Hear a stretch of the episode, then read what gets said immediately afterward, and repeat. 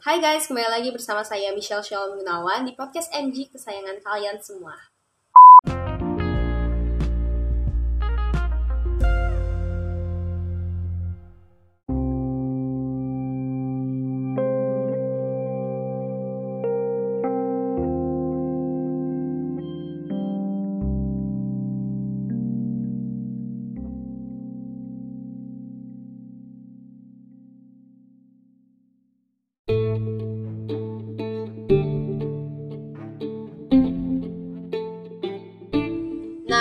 Ngomong-ngomong mengenai COVID-19, virus satu ini bisa dikatakan pula kehadirannya memang tidak ada seorang pun yang menduganya, begitu pula dengan kepergiannya.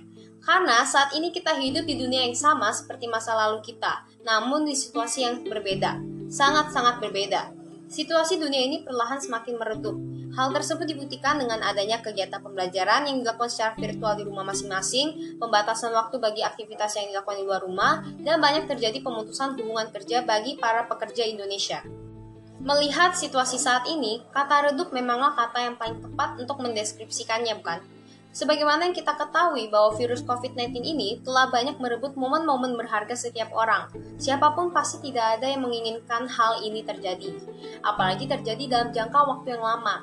Namun, hal tersebut justru terjadi di saat ini, di mana virus COVID-19 telah hampir mendiami bumi ini selama 2 tahun, sehingga sudah begitu banyak waktu emas kita yang terbuang dengan tetap berada di dalam rumah maupun segala aktivitas yang berkaitan dengan masa depan kita terpaksa harus dilakukan di rumah bahkan ditunda. Dan aku yakin banget tidak sedikit orang yang menginginkan pandemi ini segera pergi, termasuk saya sendiri. Sebagai manusia, kita pasti pernah berpikir bahwa virus COVID-19 ini merupakan musibah yang dapat menghambat perkembangan bangsa dan jati diri kita. Sehingga tidak sedikit dari kalian yang mengharapkan, atau bahkan aku, yang mengharapkan virus COVID-19 ini segera pergi dari muka bumi. Pemikiran-pemikiran tersebut sangatlah wajar bagi seorang manusia. Selain itu, sebagai manusia kita juga bebas beropini dan mengutarakan keinginan kita. Namun, di sisi lain, kita tidak boleh melupakan siapa pencipta alam semesta ini serta diri kita. Perlu diketahui juga bahwa tujuan kita hidup di dunia ini bukan hanya sekedar untuk bersenang-senang, melainkan untuk menjalankan perintah Tuhan Yang Maha Esa serta menjauhi segala hal yang dilarang olehnya. Nah, berdasarkan yang aku sampaikan tadi, jika dikaitkan dengan situasi sekarang, yaitu situasi di mana virus COVID-19 sedang merajalela, maka dapat dikatakan bahwa virus COVID-19 ini merupakan salah satu wujud dari kuasa dan rencana Tuhan yang Maha Esa terhadap kita sebagai umatnya.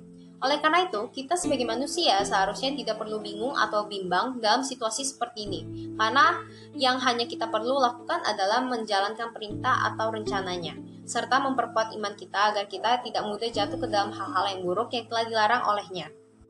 Namun, perlu diketahui juga bahwa Tuhan selalu mau mendengar segala permintaan dan permasalahan setiap umatnya, sehingga kita sebagai manusia sangat diberi keleluasaan dalam menyampaikan permohonan atau keinginan kita kepada Tuhan.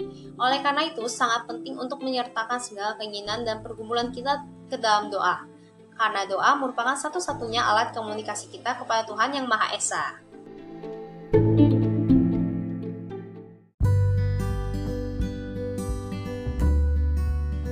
Sekian untuk podcast aku kali ini. Terima kasih telah mendengarkan dan sampai jumpa di podcast aku selanjutnya.